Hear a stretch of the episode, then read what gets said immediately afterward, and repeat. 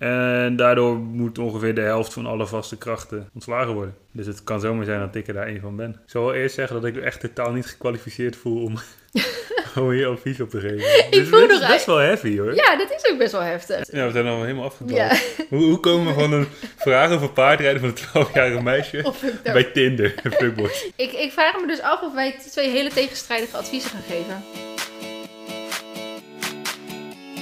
Hoi allemaal, leuk dat jullie weer luisteren naar een nieuwe podcast. Wij gaan vandaag advies geven, maar wij zijn niet Esme en ik, maar wij zijn Vliene en...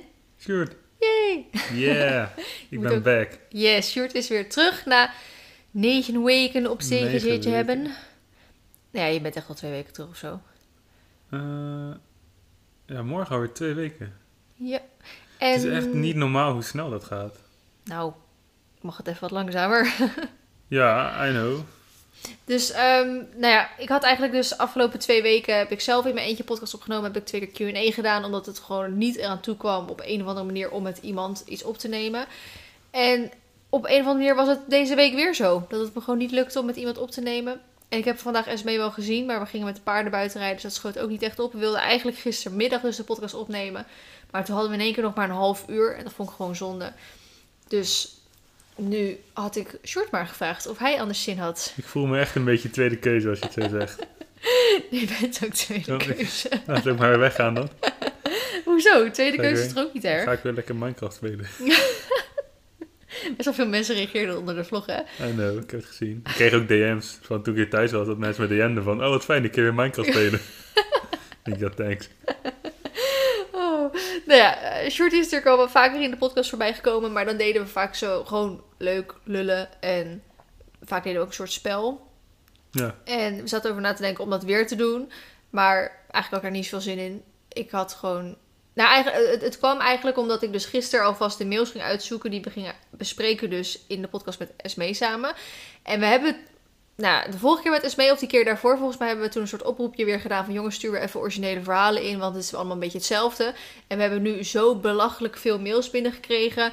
eh, met allemaal oprecht gewoon, want normaal gesproken ben ik er een beetje doorheen aan het scrollen. En dan lees ik ze zeg maar een beetje globaal. En dan denk ik, oh, deze hebben we al een keer behandeld. Of deze, oh, deze is niet zeg maar leuk genoeg. Of nou, deze hebben we ook al een keer behandeld. En nu gewoon elke mail die ik aanklikte, die was gewoon leuk en interessant. Ze waren ook zo go- goed geschreven, heel veel. En dan wil ik ze gewoon allemaal bespreken. Dus toen dacht ik echt van shit, als ik met Esme deze week niet een podcast op kan nemen, ik kan niet gewoon nog een week lang wachten om deze mails zeg maar te bespreken. Dus toen dacht ik, Short, heb jij zin om samen advies te gaan geven? Nou, eigenlijk is dat niet echt wat je vroeg. Ik zat net in de auto naar huis, omdat ik vandaag Dat is wel mijn gedachte het gehad. grootste deel geklust had bij, eh, bij vrienden die net een huis hebben. En toen app tv, hoe laat ben je thuis? We moeten een podcast opnemen. Oké, nice. Oké, dat is wel hoe het ging. Maar mijn gedachtegang was erachter van ik wil op deze mails antwoorden. En daarom ga ik vandaag met Short advies geven. Maar voordat we advies gaan geven, hebben we altijd de vraag die ik met Esmee bespreek. En dat is hoe was je week? Ja, mijn, mijn week was echt niet boeiend. het ziet Ik- alsof wij niet weten hoe elkaars Nee. week was. maar Maar, ik zal het alsnog vertellen. dat is fijn. Ik, ehm, maandag ben ik naar, eh, naar Friesland geweest. Mhm. Is naar Harlingen. Want mijn ouders zijn daar, eh, die hebben een zeilboot. Waar ze nu een paar weken mee op vakantie zijn. Die lagen in Harlingen. En ik moest daar sowieso heen omdat we gingen barbecuen met eh, wat collega's. Superleuk. Dus ging ik even bij mijn ouders langs. Wat op zich leuk was. Behalve dat ik niet door dat het daar betaald parkeren was. dus het heeft mij 65 euro gekost om een paar uurtjes in Harlingen te parkeren. Dus dat is pijnlijk. Oh, mistakes were made. En verder, wat heb ik? Ik weet niet eens wat ik deze week gedaan heb. Niet zoveel. Een beetje bij eh, familie langs geweest en een beetje chillen. Ja. Want dat mag gewoon als je negen weken lang gewerkt hebt. Ja, Dan mag je best een paar weken niet zoveel doen. Wil je trouwens, nu we het er toch deels over werk hebben, het erover hebben? Over het. Het, niet alsof het heel heftig is. Of, nou, ook weer wel. Maar ehm, ik heb een tijdje geleden in een vlog aangegeven dat het eh, huizenplan een klein beetje in de koelkast staat. Om wat meerdere redenen. Een van de redenen is omdat er gewoon echt geen bal online komt wat interessant is. Maar ook omdat er dus iets met Sjoerd werk aan de hand was. En Sjoerd wilde dat graag zelf vertellen. En best wel veel mensen hebben gevraagd, nu je weer thuis bent, van wanneer gaat Sjoerd het vertellen? En ook iemand zei, jullie gaan toch niet uit elkaar? Nou, dat heeft dan niks met mijn werk te maken. Nee, maar ik- volgens mij zei ik ook niet... Ik weet niet of ik echt heb gezegd dat het met je werk te maken had. Maar ik zei gewoon, er is even iets met Sjoerd aan de hand of zoiets. Dat klinkt al heel dramatisch Ja. als het zo zeg. Maar, Maar- wil je het zeggen? Ja, ja, ik zal iedereen uit spanning halen. Ja. Eh, Zeg maar, even een glo- globaal verhaal, even, even een basisje leggen. Wat doe je überhaupt? wat doe ik? Voor de mensen die dat nog Ja. steeds niet begrijpen. Want er zijn ook hoop mensen die dat nog steeds niet begrijpen. Nou, ik werk op een, eh, op een schip. Een, eh, voor een bedrijf wat pijpleidingen aanlegt. Onderzeese pijpleidingen voor olie en gas. En eh, op dat schip werk ik in de machinekamer. Dus dan werk ik met machines. en eh, nou ja, het bedrijf ging... Je heet ook een WTK, dus een werktuigkundige. Yes, want ik ben heel kundig met werktuigen. Precies. En dan niet werktuigen als in landbouwwerktuigen, maar dus motoren, scheepsmotoren. Yes. Maar het bedrijf waar ik voor werk is eh, best wel hard getroffen door de coronacrisis. En de invloed die dat heeft op de olieprijs. Want daar zijn wij in die industrie gewoon heel erg van afhankelijk. En daardoor moet ongeveer de helft van alle vaste krachten ontslagen worden. Dus het kan zomaar zijn dat ik er daar één van ben. Yes. En eh, dat is super kut natuurlijk. Ehm, voor heel veel collega's is het eigenlijk nog vervelender, want die hebben al een hypotheek en die hebben kinderen en die hebben veel meer een leven wat, wat van dat salaris afhankelijk is. Ehm, maar het is dus nog wel heel vervelend. Ja. Wij hebben ook gewoon plannen en Ja. Ik vind het werk ook leuk. Het zou jammer zijn als ik, er, als ik eruit moet. Ja. Dus dat speelt nu. En eh, tot ik meer duidelijkheid daar, eh, daarover heb, kunnen we ook niet echt verder met onze huisplannen. Nee. Want kan je zeggen wanneer je ongeveer duidelijkheid hoort? Als het goed is, hoor ik 15 juli. Dus dat is dus over drie dagen hoor ik iets. Ja. Wanneer we dit opnemen. Ehm, dus ja, dat is afwachten. Ja. Eerst zeiden ze nog dus juli en januari. Ja, maar het, is ook, het gaat dus in drie rondes. Dus in juli, 15 juli, wordt een deel gebeld die Oh, eruit moet. In oktober worden nog een keer paar gebeld. En in januari. Oh, dus als je nu hoort dat je er blijft, dan is het nog steeds niet zeker? Nee, maar ik weet ook niet of ze... Ik weet gewoon niet wat ik moet verwachten nu. Ik, ik weet helemaal niks. Nee. Dat is, Dat heel super rot. Ja. Dus dat is zeg maar nu natuurlijk een beetje aan de hand, waardoor ja, je niet echt eh, een huis gaat kopen op dit moment. Nee, dat is, is niet echt eh, een goed idee. Ik was ook een beetje low-key op si- uit de sites aan het kijken voor een andere auto, om een beetje te upgraden. maar dat ga ik ook maar even niet doen. Nee, de shirt had eigenlijk gezegd van doe maar even geen grote uitgaven de aankomende tijd. Toen dacht ik, oké, het scheelt dat Olympus net uit de revalidatie is, dus de grote uitgaven zijn geweest. Maar ehm, ja, dus daar moeten we een klein beetje rekening mee houden. Ach, ik dat, heb eergisteren ook nog dik 800 euro afgetikt bij de autogarage. Dus eh, ja, maar dat, dat zijn onvoorziene kosten. Nou, onvoorzien. Nou ja, het hoort toch gewoon bij de APK van je auto? Ja, en onderhoud. Ja. Ja. Nou, nee, wacht, ho. Dat wordt bij je voorziene kosten. Zeg je dat Ja, ja. Niet bij jij onvoorziene. onvoorzien. Ja, maar ik bedoel de voorziene kosten. Dus dan weet je dat die kosten eraan zitten komen. Maar dan niet iets heftig anders. Dus ik mag geen eh, nieuw paard of zo erbij kopen. Nee. En ook geen nieuwe pony.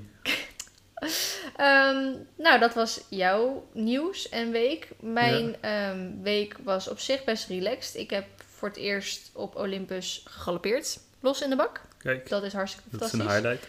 highlight. En eh, vrijdag zijn wij... Wanneer, wanneer ging ik op buitenrit? Wanneer ging ik op buitenrit? Donderdagavond. Ja, eh, Ja, donderdagavond in de regen toen. Ja, was het Ja. donderdagavond? Ja. Ja, ja, ja, was donderdagavond. Was het niet woensdag? nee, nee. Wat was had je woensdag dan? Mm, Want dat heb ik nog. Ik heb woensdag heb ik weer gehockeyd voor het eerst sinds... Nee, nee, nee, want... Oh ja. Voor het eerst sinds oktober of zo. Dus ik kon letterlijk drie dagen daarna kon ik gewoon niet lopen. En niet bukken. En ik had zoveel spierpijn. Dat was echt verschrikkelijk. Nee, nee, nee, het was eh, donderdag, want ik had 's middags mijn eh, peeling gehad. En ik weet nog dat ik tegen Anne zei van, let niet op mijn huid, want ik heb vanmiddag een peeling gehad. Dus... Oh ja. Ehm, toen ben ik dus voor twee keer met Olympische buitenrit geweest en we hebben drie keer gegalopeerd. En dat ging supergoed. We zijn een zwijn tegengekomen, we zijn koeien tegengekomen. Eh, het ging, we gingen wel iets te ver, we zijn echt iets van 12 kilometer geweest of zo. Dat was een beetje te ver, we waren ook echt pas om half 12, nee, half tien zeg maar terug bij de trailer. Terwijl we om kwart over zeven van stal weggingen of zo. dus, maar het kwam gewoon elke keer als we, oh ja, ik heb een grappig verhaal om te vertellen. Elke keer als we dan rechtsaf wilden gaan om zeg maar weer terug te gaan, dan waren die koeien precies gewoon op het pad. En het waren er echt, ik overdrijf niet, gewoon 50 of zo. Hè? Die beesten vermenigvuldigd. Zitten daar ja, zoveel koeien? waren er echt kapot veel. Dus het waren echt heel veel. Echt een soort van mierennest bij elkaar, maar dan die koeien. Dus eh, ze liepen echt precies op het pad. Dus we konden niet dat pad in. Dus ik zeg, we gaan wel rechtdoor. Dan steken we eventueel die 80 weg over en gaan we daar wel naar rechts. Maar ja, toen kwamen we een beetje bij dat, in de buurt van die 80 weg. En toen ehm, ja, moesten nog wel een stukje. Dus ik dacht, nou, we kunnen ook wel voor de 80 weg nog naar rechts. Dus wij naar rechts, maar het was geen officieel ruiterpad meer. Dus we konden niet echt gaan draven of zo. Dus we moesten, was een beetje een half mountainbike pad, weet je wel. Dus veel boomwortels, dus je kon eigenlijk niks anders dan stappen. Dus het duurde best wel een tijdje voordat we weer een beetje in de buurt van de trailer waren. En op een gegeven moment eh, moesten we links. Stonden die fucking koeien daar weer. Die waren zeg maar ons, af- die hadden ons afgesnijd of afgesneden. Afgesneden. hadden ons afgesneden. tussen, tussen, zeg maar, die gingen echt dwars door het bos heen. En wij gingen zo'n uurtje dus zo maken.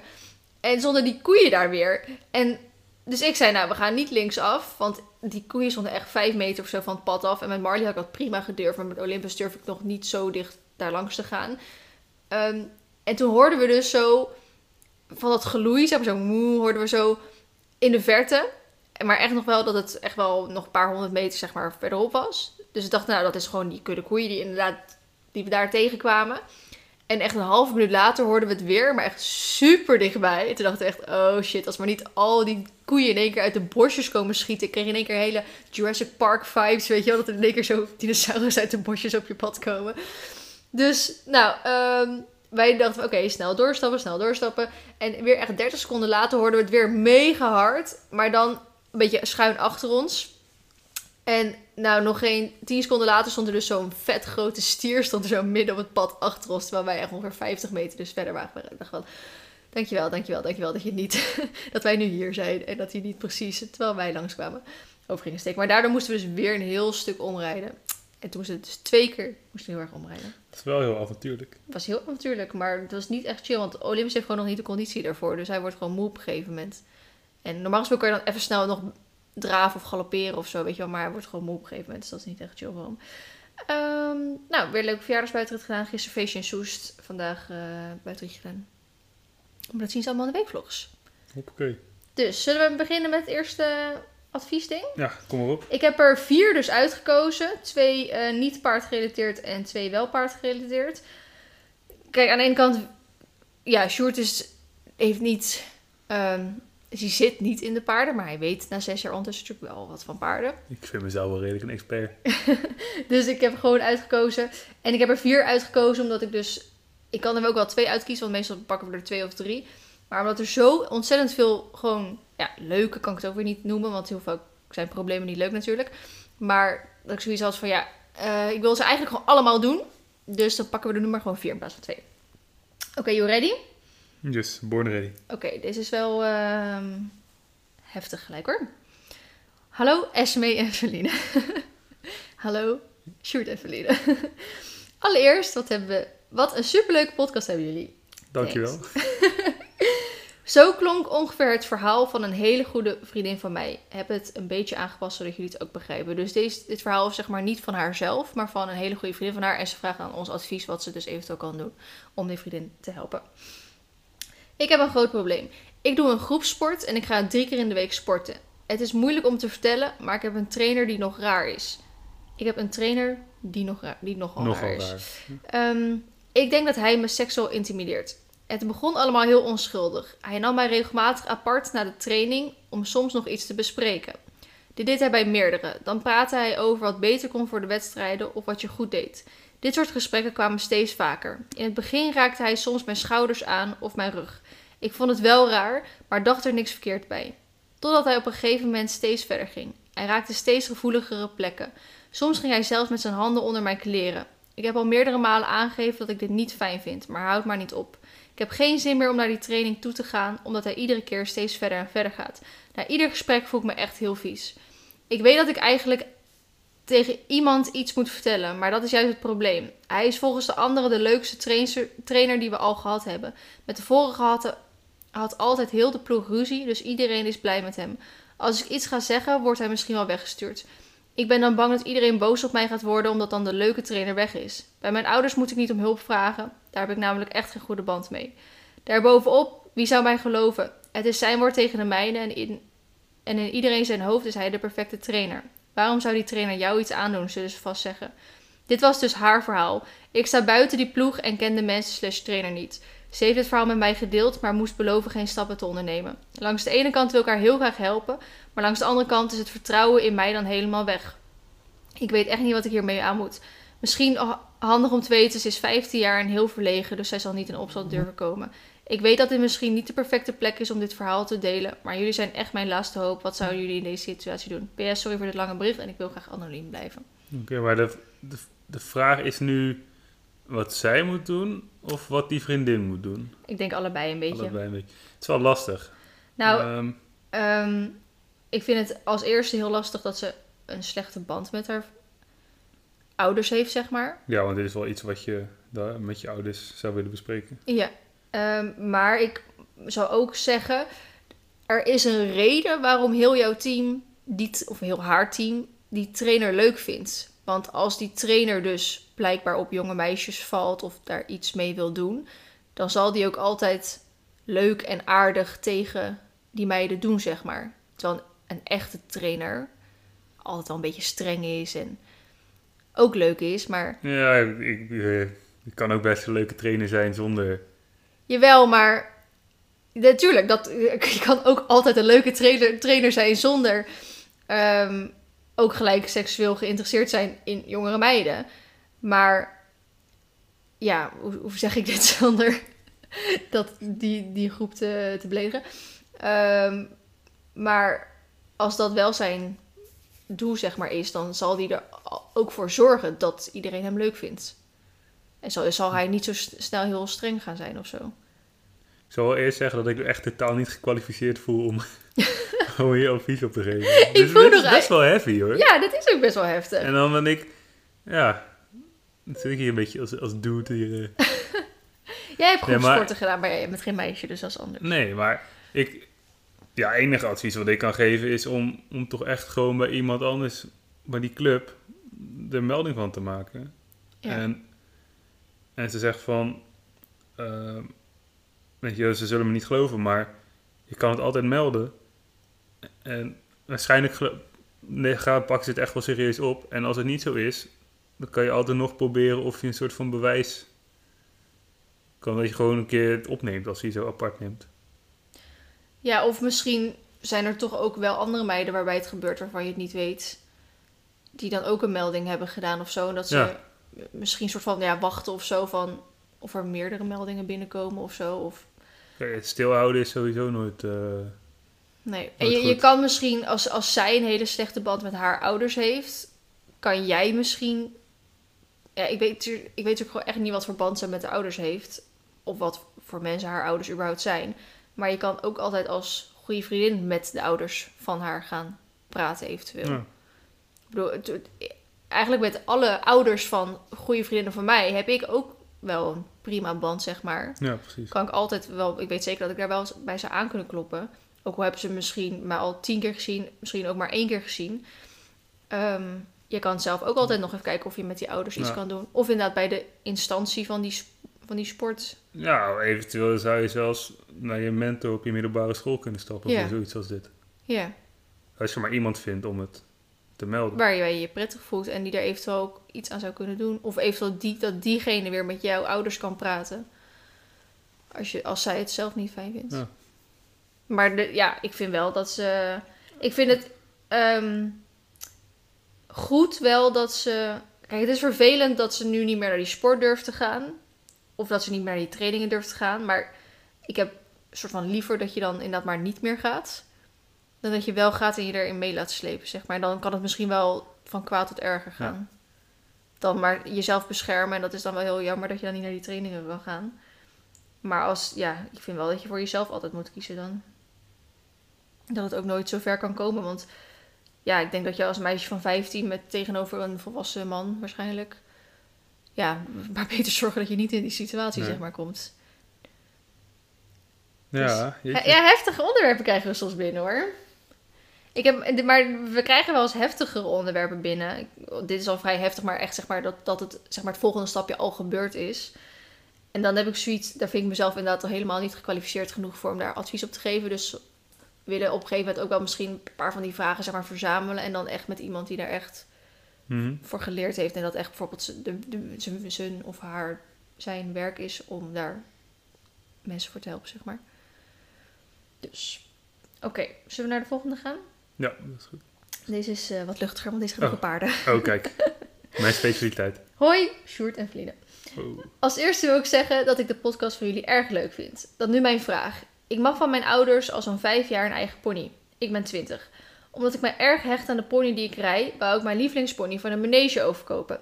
Ik heb een band met haar, hoewel dat voor veel mensen gek klinkt met een manegepony. Ik rij haar, ik rij haar ook al erg lang. Op een manege is alles te koop, dus ook de paarden. Maar als je een manegedier wil kopen, ben je verplicht daar te blijven staan. Dat is 475 euro de maand. En daarbij komen nog de kosten van onder andere de hoefsmid. Wel mag je elke dag meerijden in de lessen. De manege is niet super dichtbij, maar er zijn wel stallingen dichtbij waar je minder betaalt, maar je paard meer heeft. Zo is het buitenkomen van de paarden op de manege minimaal. Pardon. Maar als ik deze pony koop, zou ik haar meer kunnen bieden als dat ze nu krijgt. Maar dan ben ik wel verplicht de rest van haar leven daar te blijven staan. Nu is vooral mijn vraag: op dit moment kan ik dat betalen. De stalling en de bijkomende dingen, plus een potje achter de hand voor onvoorziene omstandigheden. Maar als ik dadelijk bijvoorbeeld uit huis zou willen, dan is de stalling wel te duur, denk ik. Omdat je dan ook de vaste last van een huis hebt. Nu ben ik 20 en nog niet van plan uit huis te gaan, maar ja. Ik denk dat ik het niet over mijn hart kan verkrijgen om de pony na een tijdje weer weg te doen, omdat ik uit huis zou willen. Wat zouden jullie doen? Zouden jullie nu kiezen voor wat je gelukkig maakt, om het later misschien niet meer kan, of kies je dan om het niet te doen? Liefst, ik wil graag anoniem blijven. Nou, ik zou eigenlijk geen van die twee opties doen. Want ik kan me niet voorstellen dat jij een pony koopt, die dan echt, als je hem koopt, is hij jouw eigendom. Ja. Dan kan een manege jou niet verplichten om daar de rest van het leven van die pony te blijven.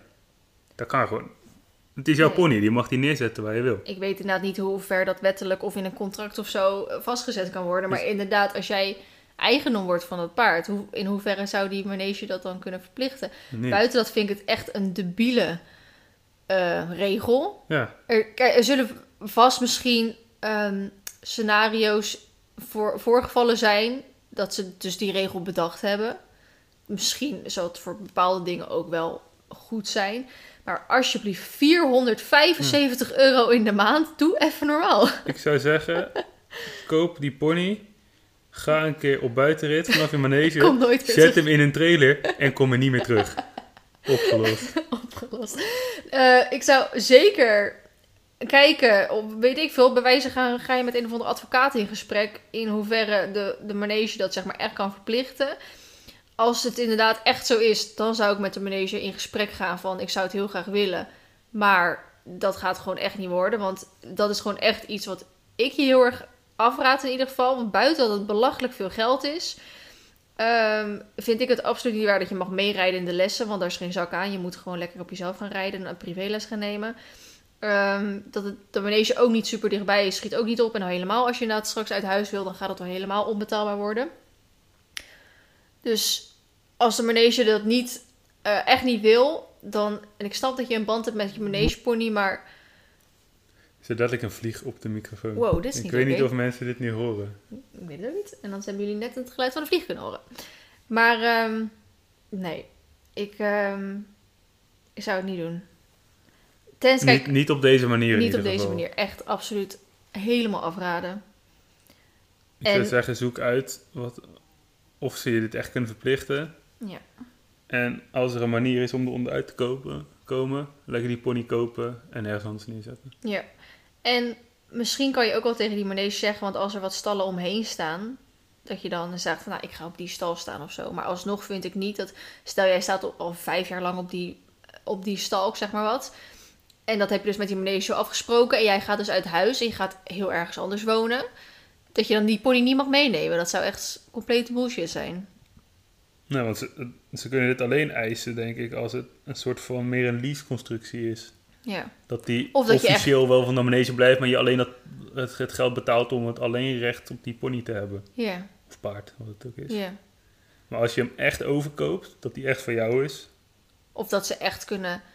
Aan- want dat het bijvoorbeeld. Ik weet dat het voor bij eh, paardzoekbaas volgens mij zo werkt. Je kan dus niet een paard volgens mij kopen van hun. Je moet dus adopteren.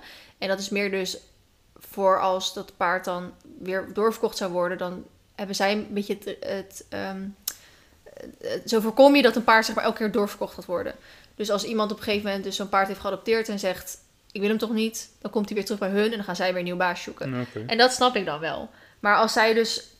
Eh, dus, als, dus ik denk dat het alleen is wat Sjoerd dus zegt. Of dat, je, dat ze echt kunnen aantonen dat jij bijvoorbeeld niet goed voor dat paard zorgt of zo. Dat ze hem dan weer terugnemen. Maar ik denk niet dat, het- dat je dat moet willen. Ik denk als je een paard koopt, dan moet je gewoon lekker in je eentje het zeggenschap over dat paard hebben. Want anders is het echt dramatisch hoor. Ja. Zeker als je op een manege staat waar ze 475 euro aan stalling betalen. Echt heel veel geld. Dat is dus of Hartje Rotterdam of Hartje Amsterdam. Ja. Of. eh, Nee, oké, je hebt aan de Randstad ook wat dingen en zo. Nou, alsjeblieft niet. Nou, oké. dat was het advies. Dit is echt wel heel nuttig, hè? Oké, next. Ja, kom maar op. Gaan we niet veel te snel zo? Ik weet niet, als jij nog heel uitgebreid ergens op in wil gaan. Mag je dat altijd doen, lief schat? Ja, gewoon heel efficiënt, dus straight to the point. Ja, precies. Maar daarom doen we er ook vier. Want ik dacht al van, jij bent altijd wel iets kort, maar krachtiger. Dan even mee. En ik... dus daarom dacht ik ook van, dat wordt een hele korte podcast. Oké, ja? Yes. Hoi vrienden en Sjoerd. Allereerst Staat er nou eh, staat Nee, er echt vrienden in nee, er staat altijd S mee. Oh, dat is wel echt een dis, eh, disappointing ding. Allereerst wil ik zeggen dat ik jullie podcast echt heerlijk vind om te luisteren. En dat voor iemand die de 30 al gepasseerd is. Ik vind het echt zo leuk als wat, zeg maar, wat oudere mensen, even tussen aanhalingstekens, want als je 30 bent gepasseerd, weet je niet uit.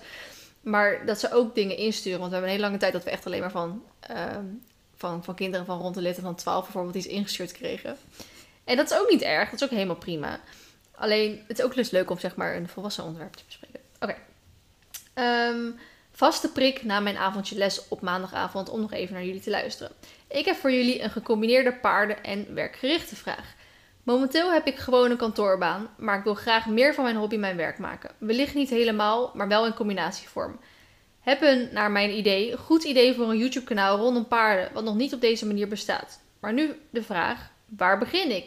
Ik heb al een YouTube-kanaal aangemaakt, een URL vastgelegd om vlogs te combineren. Een een- URL. Een URL? Hoe zeg je? Ja, ja. Een URL. Je zegt toch... zeg je altijd URL? Ja, URL? dit is geen URL. Byte. Een URL? Ik zei altijd URL. Dat kan echt niet. Een URL vastgelegd om vlogs te combineren met blogs. Een logo te maken en bijbehorende social media aangemaakt. De uitdaging ligt in video's maken. Niet alleen het durven, maar ook welke camera is geschikt. Hoe leer ik video's editen? Met computers ben ik aardig handig, maar met deze programma's heb ik nog geen ervaring. Hebben jullie tips om hier op een laagdrempelige, goedkope manier mee te starten? Alvast hartelijk bedankt. Groetjes, Patricia. Nee, dit is eigenlijk meer een ding voor jou. Ja, maar aangezien Maar- jij al vanaf de beginning Ja, aan mijn zijde staat, weet jij hier vast ook wel iets over te zeggen. Oké, ja, zeker. Ik denk, als je echt ervan overtuigd bent dat je idee goed is, en dat je iets unieks, nieuws hebt, dan heb je in ieder geval niet een super mega fancy camera nodig.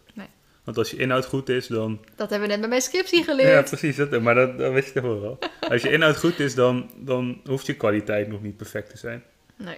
Dus je kan best gewoon een beetje een instapcamera van, I don't know, 200 euro. Ik weet niet wat camera's kosten. Ja. Mm, ja. Maar je hoeft in ieder geval niet gelijk het best van het beste te kopen. Nee. Buiten dat is zijn, hoe soort van beter de camera's, hoe moeilijker ze ook te gebruiken natuurlijk zijn. Snap je dat als ik dat zeg? Ja, dat is eh, Ja. te begrijpen. Ja, oké. Ehm, dus als je al gelijk als soort van beginner zeg maar met zo'n camera aan de slag moet, dan, ja, dan zit dat vaak ook een soort van tegen. Omdat je dan denkt, oh, ik wil iets filmen, maar ik ben een half uur bezig met die camera in te stellen. En dan eh, heb je alweer geen zin, zeg maar. Ja. Dus, ehm, oké, zullen we even stapje voor stapje doen? Ja. Ehm, nou, ze heeft momenteel een kantoorbaan.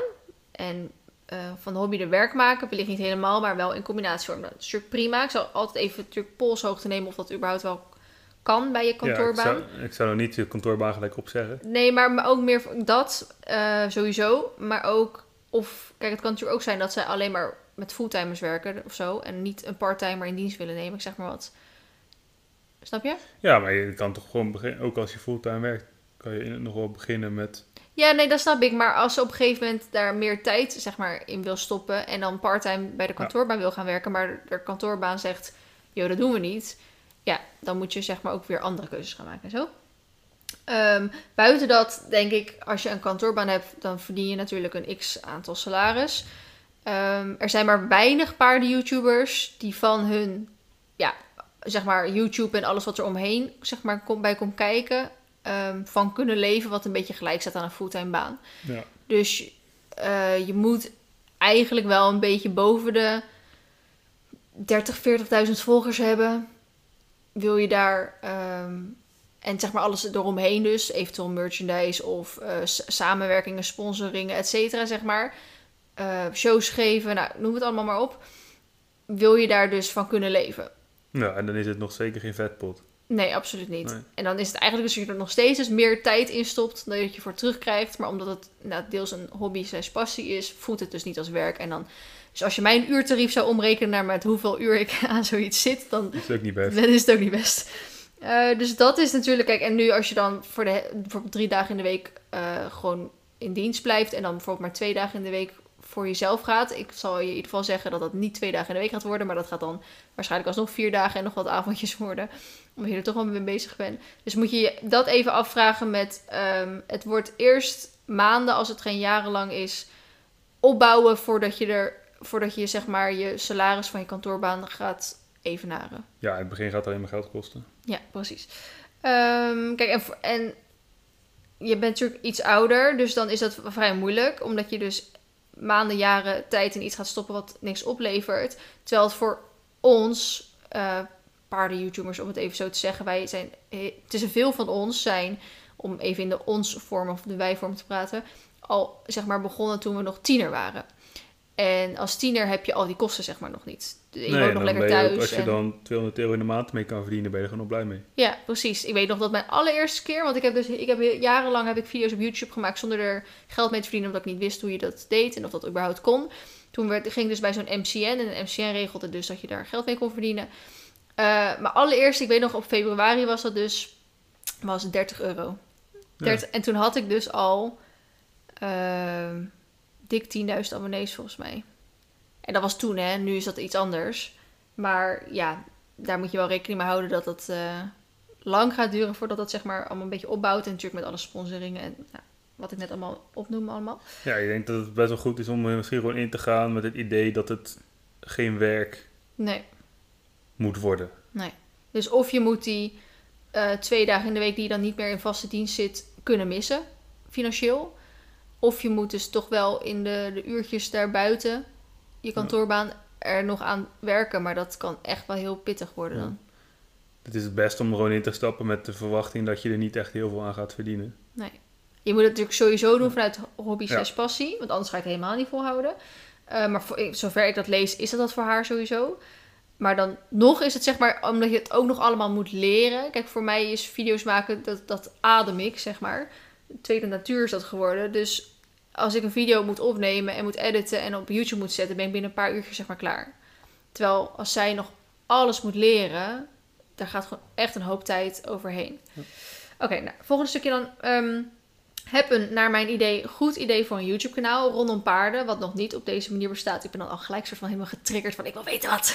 en dan niet, het idee kan stelen. nee, nee, niet omdat ik het idee wil stelen, maar omdat ik gewoon benieuwd ben. Omdat ik gewoon denk, ik zou haar bijna gewoon advies willen geven. Omdat ik dan zoiets heb van, oh, dat gaat werken. Weet je wel, van, oh, supergoed dat je dat gaat doen. Misschien kan je dit en dit en dit erbij nog doen om het nog beter te maken. Of jij zou zeggen, oh, dat heeft al iemand een keer geprobeerd. Eh, dat schiet niet op, weet je wel. Ehm, maar nu de vraag, waar begin ik? Ik heb al een YouTube kanaal gemaakt, nou dat is top, een URL vastgelegd. Om vlogs te combineren met blogs, een logo laten maken en bijbehorende social media gemaakt. Nou, daar ben je natuurlijk sowieso lekker mee bezig.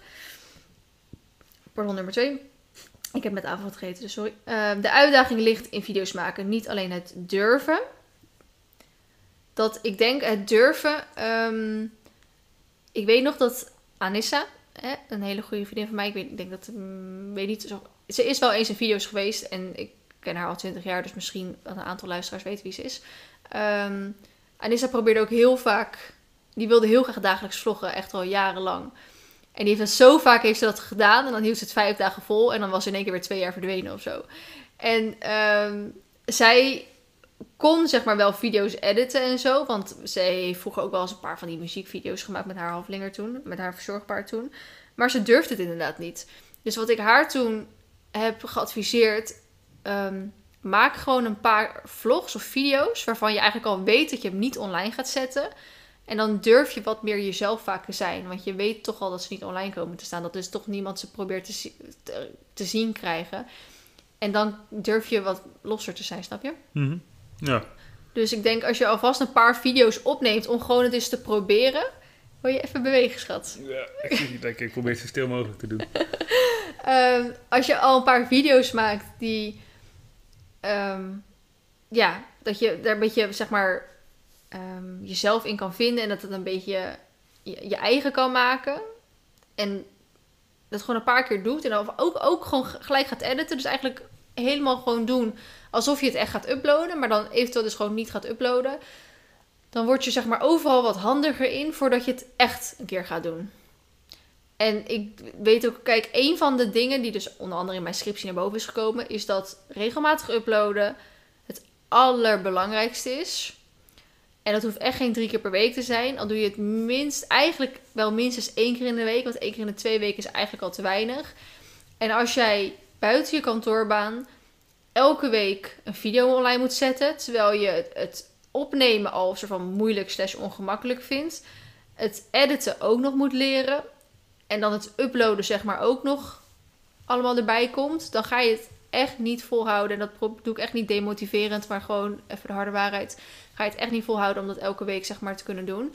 Dus het allerbelangrijkste, allerbelangrijkste is het zeg maar allemaal eerst je eigen maken. Dat je dus ook gaat ademen, zoals ik het altijd zeg. Dat je gewoon binnen één dag bij wijze van zo'n video kan opnemen, editen en klaar kan zetten. Ehm, of je maakt er alvast een paar op voorhand, dat je er gewoon vijf maakt. En dan kan je de eerste vijf weken in ieder geval vooruit. En dan kan je in die vijf weken tijd kan je het gewoon wat rustiger aandoen. Maar ja, daarna begint het toch wel weer elke week en zo. Dus ik denk dat heel erg belangrijk is in ieder geval. Ehm, nou, welke camera is geschikt? Dat ligt er weer heel erg aan wat je ehm, graag wil gaan doen. Dus wil je gaan vloggen, want dan heb je een vlogcamera nodig. Wil je gewoon video's gaan maken, gaat er iemand die camera voor je vasthouden? Of ga je met een statief werken?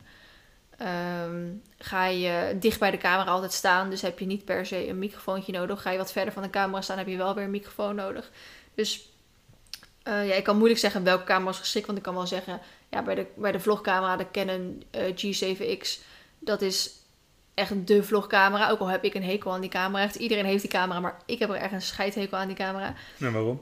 Omdat hij en niet kan inzoomen. Nou, hij kan wel inzoomen, maar als je zeg maar aan het filmen bent en je wil dus inzoomen, gaat dat echt mega langzaam. Dus zeker als je met paarden filmt, super kut. Want als jij je springparcours aan het doen bent of zo, dan ben je eerst aan het einde van de bak en twee seconden later ben je aan het begin van de bak. Dus nou, tegen de tijd dat jij bent ingezoomd, ben jij alweer drie hindernissen verder, zeg maar. Uh, en hij kraakt. En um, als die dus net nieuw is, nog niet. Maar echt, dat ding hoeft maar één keer een stootje te krijgen. Hij hoeft absoluut niet kapot te zijn. Maar je moet er maar eens op letten. Ja, ik denk niet dat iedereen weet met, welk, met welk, welke YouTuber met, welke, met die camera filmt. Maar ik kan ze zo opnemen wie ermee filmen.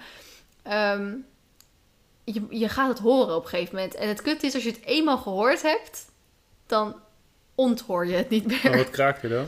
Dat ding, die, die lens. De, het, het, het ah, filmen, de camera zelf. Je hoort zo constant zo... Maar dan heel zacht, zeg maar. Mhm. Dat hoor je constant op de achtergrond. Okay. En dat is gewoon typisch voor die camera. Dus dat vind ik heel irritant. En die camera die ik heb, de M50 is dat, van Canon. Dat is een topding, alleen die past niet in je zak. Dus er zit een dikkere lens op. En daar heb je weer verschillende lenzen voor. Dus dat is ook weer wat je wil. Ik heb er een externe microfoon op. Omdat natuurlijk met de paarden altijd buiten filmen. Dus je hebt altijd last van wind. Dat is ook weer iets. Ja, koop alsjeblieft een dode kat. Ja. Pluisje. En je, je geluid is tien keer belangrijker dan je beeld in de paardenwereld. Want Ja. als er iets irritant is en als er iets is waar mensen snel op wegklikken... is omdat je dan weer wind hoort terwijl je iets aan het uitleggen Dat bent. is echt Echt een no-go. no-go nummer 1, zeg maar. Precies. Ehm, dus dat even over het cameragebruik. Daar kan ik nog, daar kan ik zes aparte podcasts voor maken over wat voor dingen je allemaal voor nodig hebt. Eh, hoe leer ik video's editen? Nou, je hebt een paar van die gratis programma's op je laptop. Eh, Ik moet heel eerlijk zeggen dat ik niet precies weet welke. Ik weet op de Mac volgens mij is dat iMovie. En op ehm, een, een niet-Mac is dat, een, dus een Windows ding, is dat eh, Windows Movie Maker. Bestaat dat nog steeds? Ik, ik heb geen flauw Ik idee. heb daar echt op de middelbare school allemaal van die stomme opdrachten Voor mee gedaan. Zo. Ja, CKV, muziek, videoclips maken. Ja, nou, ik ben ook met Windows Live Movie Maker begonnen toen. Dus er zijn wat gratis programma's. Ehm, eigenlijk niet heel erg aan te raden, want het, het is eigenlijk allemaal maar shit. Maar aan de andere kant is het wel chill als je dus nog nooit met zo'n programma gewerkt hebt. Ze zijn wel mega gebruiksvriendelijk. En op zich kan je er wel wat mee. Ja, als je gewoon een simpele edit wil, zonder Ja. gekke dingen en Ja. zo, dan kan het zeg maar allemaal wel. Maar wil je dus allemaal wat extra's, wat ik dus bijvoorbeeld echt nodig heb in mijn video's, dan kan dat niet. Of misschien Maar wel. wat heb maar dan- jij eh, in jouw video's wat niet kan? Maar ik doe heel veel met verschillende muzieklagen en, en kleurlagen en zo, hè. Dat kan daar allemaal niet mee. Ja, oké, maar als je jouw video En kijkt, zo. dan denk ik niet van... Nee, maar dat is toch de bedoeling? Ja, ja, Dat ik er een hoop moeite in stop, maar dat niemand het ziet. Ja, precies. Dat is de bedoeling, want dan, dan loopt het dus vloeiend in elkaar over. En dan denk je, nou, dit was hartstikke fijn om naar te kijken. Ja, daar moet je wel wat voor doen. Oké. Eh, en dan zijn er natuurlijk nog een hoop eh, betaalde programma's. Ik gebruik zelf Sony Vegas. eh, dus dat is voor, de, voor Windows. Ik vind dat een heel chill programma. Het is wel echt gewoon... Het is handigst is als het gewoon... Als je iemand het je kan uitleggen. Je, heet dat, video's kijken op YouTube. Er zijn er genoeg van. Ik heb er ook zelfs twee online staan in het Nederlands en in het Engels. Ik ga alsjeblieft die van het Engels niet kijken. Ehm, Maar die zijn ook echt van drie, vier jaar geleden of zo. die van het die Engels is langer. Die is acht jaar geleden, denk ik. Echt? Ja. Nou, die wil ik een keer zien. Nee, doe maar niet. nou ja, acht is misschien overdreven. Vijf jaar geleden. Ehm, maar er zijn genoeg van die video's. Maar het handigste is gewoon als iemand je uitlegt. Want ja, wat je zeg maar voor vlogs of paardenachtige video's, zeg maar, wat daar belangrijk voor is. En voor de Mac heb je dan Fi- Final Cut Pro wordt heel vaak gebruikt. Of ehm, Premiere gewoon. Allemaal dat soort programma's. Maar ook heel erg belangrijk dat je die gewoon helemaal leert snappen en zo. Eh, nou, met computers is ze aardig handig, maar met deze programma's heeft ze nog geen ervaring. Heb je nog tips om hier op een laagdrempelige, goedkope manier mee te starten? Nou, ik denk dat we dat redelijk hebben kunnen omvatten. Ja, gewoon lekker veel proberen. Heel veel proberen. Gewoon neem een paar fragmentjes en kijk gewoon wat je er allemaal mee kan maken. En, En wat ik, waar zit. En ik zou je heel graag aan willen raden om mijn toekomstige e-book te willen kopen, maar die is er nog niet. Mijn. Nou, ik wil mijn scriptie toch ombouwen tot e-book. Ik heb mijn scriptie gedaan over ehm, hoe je als tussen haakjes paarden, influencer of YouTuber. Wat is er? Onze scriptie. Ja, Sjoerd heeft De helft is door mij geschreven. Nou, dat is absoluut niet waar. Sjoerd heeft me geholpen bij mijn conclusie en discussie, want die waren afgekeurd. En ik heb hem... En geschreven, maar jij hebt hem heb ik geciteerd. ook met dingen geholpen. Nou, dat weet ik niet even, zo lang geleden.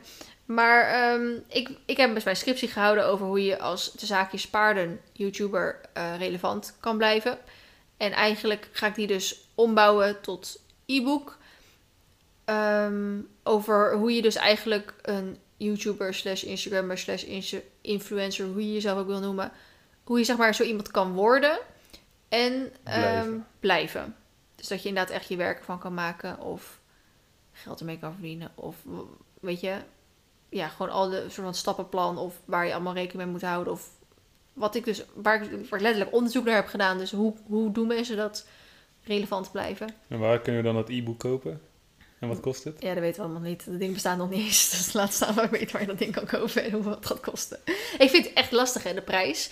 Want aan de ene kant denk ik, ja, als ik mijn scriptie ombouw eh, tot dat... en het heeft, weet ik veel, max 20 pagina's of zo... dan denk ik, ja, dan dan is het niet echt een, dat is een e-boekje. ja, maar dan denk ik echt, dan is een tientje of zo... of 15 euro toch, zeg maar... geld. Dan moet je even Oh, 2 dat vind euro ik... gaan. Nee, dat vind ik echt weinig dan. Terwijl, als vind je... 10 euro weinig voor een e-book van 20 pagina's. Het gaat om de informatie die erin staat, hè? Terwijl eh, er hele e-books over marketing, eh, over Instagram, eh, mensen geven training over Instagram van 200 euro of zo, hè? Tussen de 70 en 200 euro. En dan denk ik op zich, als, mijn, als ik mijn e-book zo compleet kan maken dat eigenlijk alles erin staat, dan weet ik niet of ik aan 20 pagina's genoeg heb, ehm, dan is het eigenlijk wel echt heel waardevol. Maybe. Want ik heb, ik heb natuurlijk ook mensen, ik heb managers geïnterviewd, hè? Managers van grote YouTube-accounts die zeggen hoe je, hoe, eh, je succesvol kan zijn op YouTube. Dat is best wel hebt bijna, waardevolle van bijna 5000 mensen gehoord enquêtes wat afgenomen. Ik heb zelf tien jaar ervaring. Dus ik, ik, ik kan, weet zeker dat ik een heel mooi e-book kan gaan schrijven erover. En dan denk ik, er staat echt wel hele waardevolle informatie in dan. Dus dan denk ik, dan is, dan is echt 10 euro veel te weinig. Nou, en doe nog een paar leuke plaatjes erbij. En dan hop, gaat de prijs nog verder omhoog. Dus, who knows hoeveel dat ding gaat. Het gaat geen 200 euro kosten, rustig maar. Maar eh, ik zit toch al meer eh, boven de 30 euro of zo. eh. Oké, ja, maar dan, dan moet je echt betalen voor de informatie. Want voor een Ja, ja. e-book is het echt een hoop geld. Ja. Dan moet je het een, en ook een chicere naam geven, een e-book. Dan maak je er een webinar van of zo. Ja, maar webinar is nog meer een... ehm, een eh, dat je ook zeg maar een presentatie doet. Een webinarboek. Oké, nou, dan moeten we even over het concept nog nadenken. maar eh, dat is aan te raden dan. Oké, eh, denk je dat we compleet antwoord hebben kunnen geven? Ehm, I guess. Ik vind wel super superleuk dat je het wil doen. Dat even als eerste, nou, als eerste, als laatste gezegd te hebben. Eh echt superleuk dat je erover nadenkt. En ook heel leuk dat je ons slash mij advies eh, hierover hebt gevraagd. Eh, ja, ik heb ons, want Esme en ik is het naar gericht. Maar jij en ik geven hier antwoord op. Maar Ik heb meer volgers op Instagram dan Esme. Dus ik eh, ben een betere influencer. de wie komen die volgers? Ja, maar dat is bij Esme ook wel een beetje zo. Nou, Die doet Esme- er zelf ook wel veel meer voor. Esme doet het hartstikke veel voor zichzelf. Ehm, Oké, ja? Mhm. Lieve Sjoerd Hartje en Vlien Hartje. Kijk, hartje terug. Ten eerste luister ik met veel plezier naar deze podcast, dus blijf zo doorgaan. Jullie zijn de beste. En nu mijn probleem. Ik zit, rij nu 2,5 tot 3 jaar, eh, dus nog niet super lang, op een moment... Zo, dit is echt een beetje... Eh, Toen je reis zei, maakte Mart even een sprongetje dat over auto's zou gaan. Maar ik dacht, oh nee, wacht, paarden. Sorry. Maar dus, eh, en, eh, soms in het begin hebben wij gezegd dat we wel eens de verhalen een beetje aanpassen, zodat het beter leesbaar zeg maar is. Ja. Maar daar zijn we na één keer ook mee gestopt, want het is best wel veel werk. En Had je nu, hier wel moeten doen? ja, je struikelt een beetje over die zin heen, zeg maar. Dus het is iets wat jij geschreven zou kunnen hebben. Nee, nee, nee, nee, nee, nee, nee. Ehm, nou, ik zit, rij dus nu 2,5 tot 3 jaar, eh, nog niet super lang. Ik zit op het moment in de beste lesgroep ever. Ik krijg de kans om door te stromen naar de hogere groep, want mijn instructrice vindt dat ik daar klaar voor ben.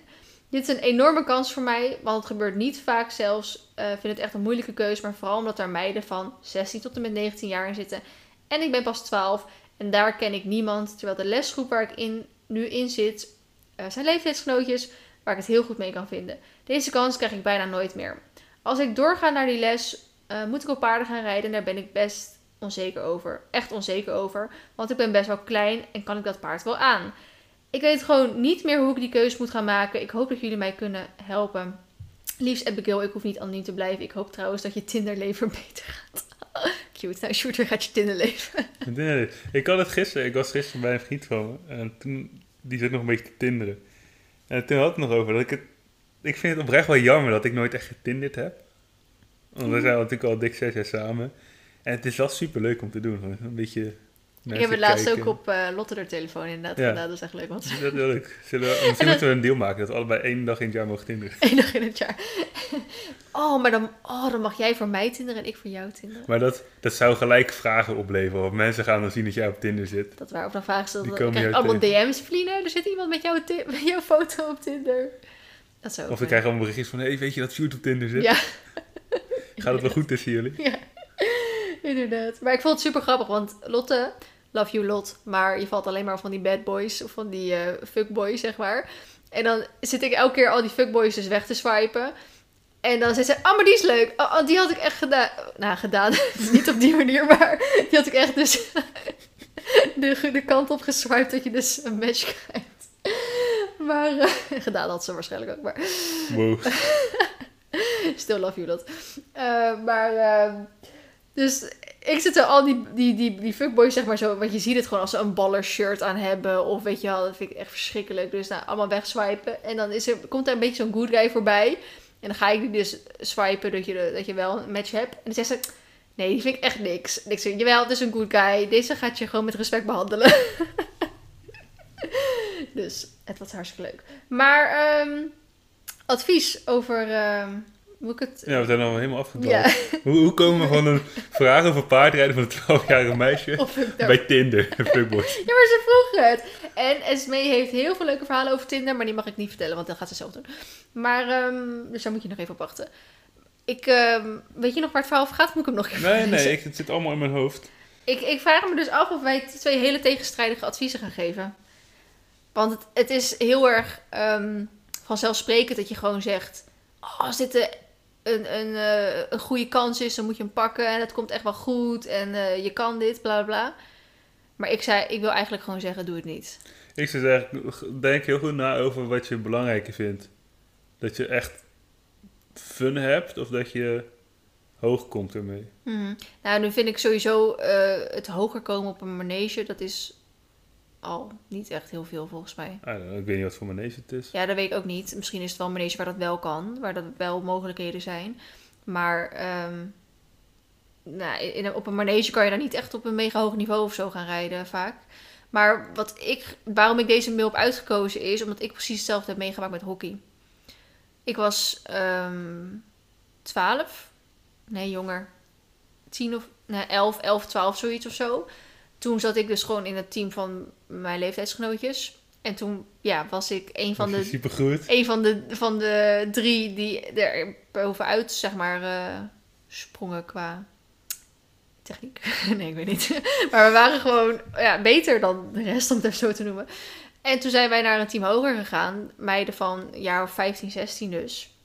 Dat is een leuk vliegenhuis, hè? Eh, maar van een jaar of 15, 16 dus. Dus dat is, het leeftijdsverschil is iets kleiner. Want het meisje van de mail is 12 en die meiden in die groep zijn 18, Mhm. 19, zei ze. Dus bij ons was leeftijdsgroep, eh, het eh, leeftijdding iets kleiner.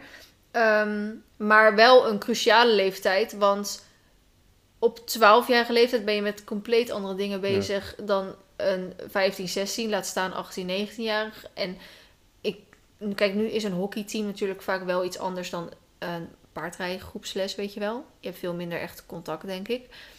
Maar die meiden zitten in zo'n ander ehm, deel van hun leven dat je je, je gaat je gewoon echt heel eenzaam voelen. Dat ga, ja, tenzij het echt de allerliefste 18, 19-jarige meiden op de wereld zeg maar zijn. Want als jij als 12-jarige in mijn les komt, dan zou ik je echt overal bij betrekken, zeg maar. Maar dat kan ik niet voor je eh, bepalen of iets. Maar ik zou echt lekker gewoon, ook al is dit inderdaad een kans die je niet zo snel weer zou krijgen. Ik zou gewoon lekker in je, in je best groep Eva blijven. En eh, bij je eigen leeftijdsgenootjes. Want ja, op 12 jaar leeftijd op paarden rijden, ja, het kan. Maar ik zou lekker gewoon bij de ponies blijven. En eh, ik denk niet dat je gelukkig gaat worden tussen al die meiden. Ik was ook niet. Ik ben daarom van hockey afgegaan. Dat was waarom ik met het Je verhaal kon zo niet terug naar je... Weet ik niet. Maar ik ben toen... eh, ik, ging, ik kocht Marley eh, dezelfde tijd. Dus ik ben sowieso van hockey afgegaan. Maar ik had eh, al maandenlang niet meer het ple- het plezier in hockey. Omdat ik me niet thuis voelde in, in mijn team, zeg Ja. maar. Omdat ik gewoon volledig niet dezelfde... In, die meiden waren allemaal bezig met, met jongens. En die werden die allemaal rond de leeftijd van 16. Dus die waren ook heel veel met drank en zo natuurlijk bezig. Want toen was de Mhm. alcoholgrens nog op 16. Nou, die hockeyfeesten zijn natuurlijk berucht als maar kan.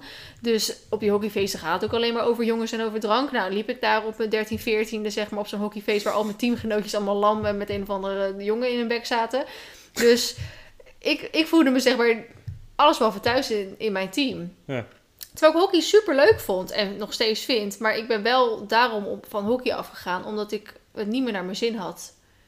Terwijl ik denk, als ik wel gewoon in dat andere team was gebleven, had ik het veel langer volgehouden. Kijk, ik weet natuurlijk niet, toen ik Marley op een gegeven moment kocht, moest ik natuurlijk ook wel een beetje keuzes gaan maken. Maar ehm, ik zou dat heel erg jammer vinden. Dat als je op een gegeven moment daar, daar rijdt en plezier niet hebt, dat je dan of misschien besluit om te stoppen met paardrijden, of dat je dan weer terug moet. Kijk, je kan het altijd natuurlijk proberen. Misschien een paar lesjes Ja, meerijden. ik wil net zeggen, want dat je naar een groep hoger gaat, wil niet zeggen dat je niet terug kan als ja, het niet bevalt. dan kan je Je natuurlijk kan altijd, altijd even, vragen of je gewoon een keertje mee kan doen. Ja. Nou, kijken hoe het is, hoe het met die meiden gaat. Misschien is alles wat ik net gezegd heb gewoon niet waar. En eh, is het hartstikke leuk met die meiden. Ja, precies. En vind je het misschien ook wel hartstikke leuk op de paarden. En, en, eh, Een ja. keertje proberen kan nooit kwaad. Nee, Nou, dan is het niks. Dan doe je het lekker niet. nee precies. Oké, Nou, eigenlijk nog op een goed advies gekomen. jawel hè. En we zijn dik 50 minuten bezig. Dus we zijn, hebben het ook Ja, gewoon hebben we goed nog, gedaan. nog tijd voor een, eh Een? I don't know, iets leuks. Iets leuks. Heb je nog iets? En wil jij nog iets leuks vertellen? Nee, ik heb echt niet zoveel boeiends te vertellen op dit moment. Ik ook niet, wij sluiten nooit af met iets leuks. Nee? Ik dacht van, misschien, misschien popt er nog iets omhoog in je gedachten. En je denkt, oh, dit is nog leuk om te vertellen. Hebben we nog iets heel leuks hebben. meegemaakt afgelopen week? Eh, Behalve dat ik op Olympus gegalopeerd heb. Ik denk dat, dat ja, ik, ik heb helemaal niks. Mijn hoofd is leeg. Ja, die van mij ook. Dit had ik moeten voorbereiden. nog een leuke anekdote? Nee. Het viel me net wel op dat er echt weer niet normaal veel blaadjes van onze bonsaiboom. Ja. Die naast mij Ik gevallen heb een pannenkoekenplant gekregen. Misschien is dat een hoogtepunt. Ja, misschien is dat dan een vervanger voor die bonsai die je dood hebt laten gaan. Dat was wel grappig trouwens, want we gingen dus gisteren naar Soest met al die meiden. En ehm, Charlotte, die had dus die pannenkoekenplant, zeg maar. Ze had gewoon een, een tas, waar dan een soort van, gewoon een eh Albert Heijn tas of zo. Waar dan eh, zo'n soort van bakje in zat. En er zaten dus, de pannenkoekenplant die wij hebben gekregen, was de grootste nog. Er waren allemaal van die kleintjes, weet je wel. Dus ze zei echt zo toen ik er binnenkwam bij SP... Vrienden, wil je een plant hebben? Dus ik zei, natuurlijk wil ik een plant hebben. Wij hebben een plant in huis en eh, kom maar door met die plant. Waarschijnlijk gaan ze wel een keer dood, maar dat maakt niet uit. Ik wil best een plant hebben. En toen had ze dus echt zo'n tas bij waar echt vijf van die pannenkoekenplantjes in zaten. Dus ik probeerde aan iedereen die pannenkoekenplanten aan te smeren. Want mijn pannenkoekenplant heeft kinderen gekregen. En toen moest ik in één keer 30 van die dingen. Moest ik, eh, dus iedereen die ik ken heeft ondertussen al één. En eh, nu eh, heb ik er één voor jou, als je wil.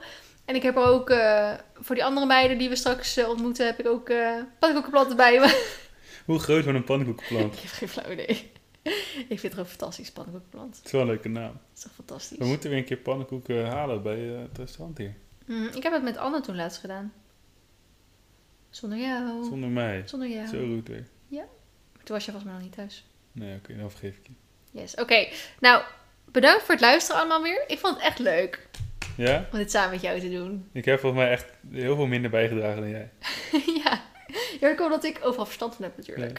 Het is net als, als, ik, als ik dus weg ben van mijn werk en aan boord zit, dan af en toe als, als Veetse bespreken heeft, dan WhatsApp bellen we wel eens. Oh ja. En dan kan het echt zijn dat jij gewoon een kwartier lang aan het praten bent. Het enige wat ik doe is, mhm, ja, ja, oké. En dan ben je klaar na een kwartier en dan zeg ik twee zinnen en dan zijn we erover klaar. Ja, het gaat altijd. ja, dan moet ik gewoon... Dan is het een soort van ophoping van allerlei dingen die afgelopen dagen slash weken zeg maar al zijn gebeurd. Maar ik dan zeg maar per los dingetje niet de moeite waard vond om je daar zeg maar elke Mhm. keer van op de hoogte te stellen. En dan op het allerlaatste moment kom ik dus voor een bepaalde keuze te staan. En dan al die informatie daarvoor is gewoon... Dat, dat hoort erbij. Dat, dat is achter, achtergrondinformatie. En zonder die achtergrondinformatie kan je niet een, een gegronde keuze maken. Dus dan vertel ik je eerst een kwartier lang overal over bij. En dan ja, moet er een keuze gemaakt worden. En maar die dan- heb je nou eigenlijk al gemaakt. ja, want dat is net zoals wat Esme ook altijd zegt. Dat ze zegt van ja, maar Feline, dan vraag jij van wat moet ik doen? En eigenlijk weet je, weet je het zeg maar al. Ja. En dan zegt ze van eh, wat, denk je zelf? En dan, het is, het is meer vaak dat ik een soort van extra nog de bevestiging nodig heb. Of als ik het zeg maar hardop uitspreek, dat je het dan vanzelf wel een keer hoort met wat je het beste kan doen. Dus dat is ook een advies. Dat is een advies om goed mee af te sluiten. Twijfel je ergens over? Spreek het hardop tegen, weet ik veel, doe alsof je aan het bellen bent met iemand. Of gewoon in de spiegel of op de fiets of tijdens het autorijden. Doe gewoon alsof je hardop met iemand in gesprek bent. En kijk dan hoe je dat verhaal, zeg maar, tegen diegene vertelt.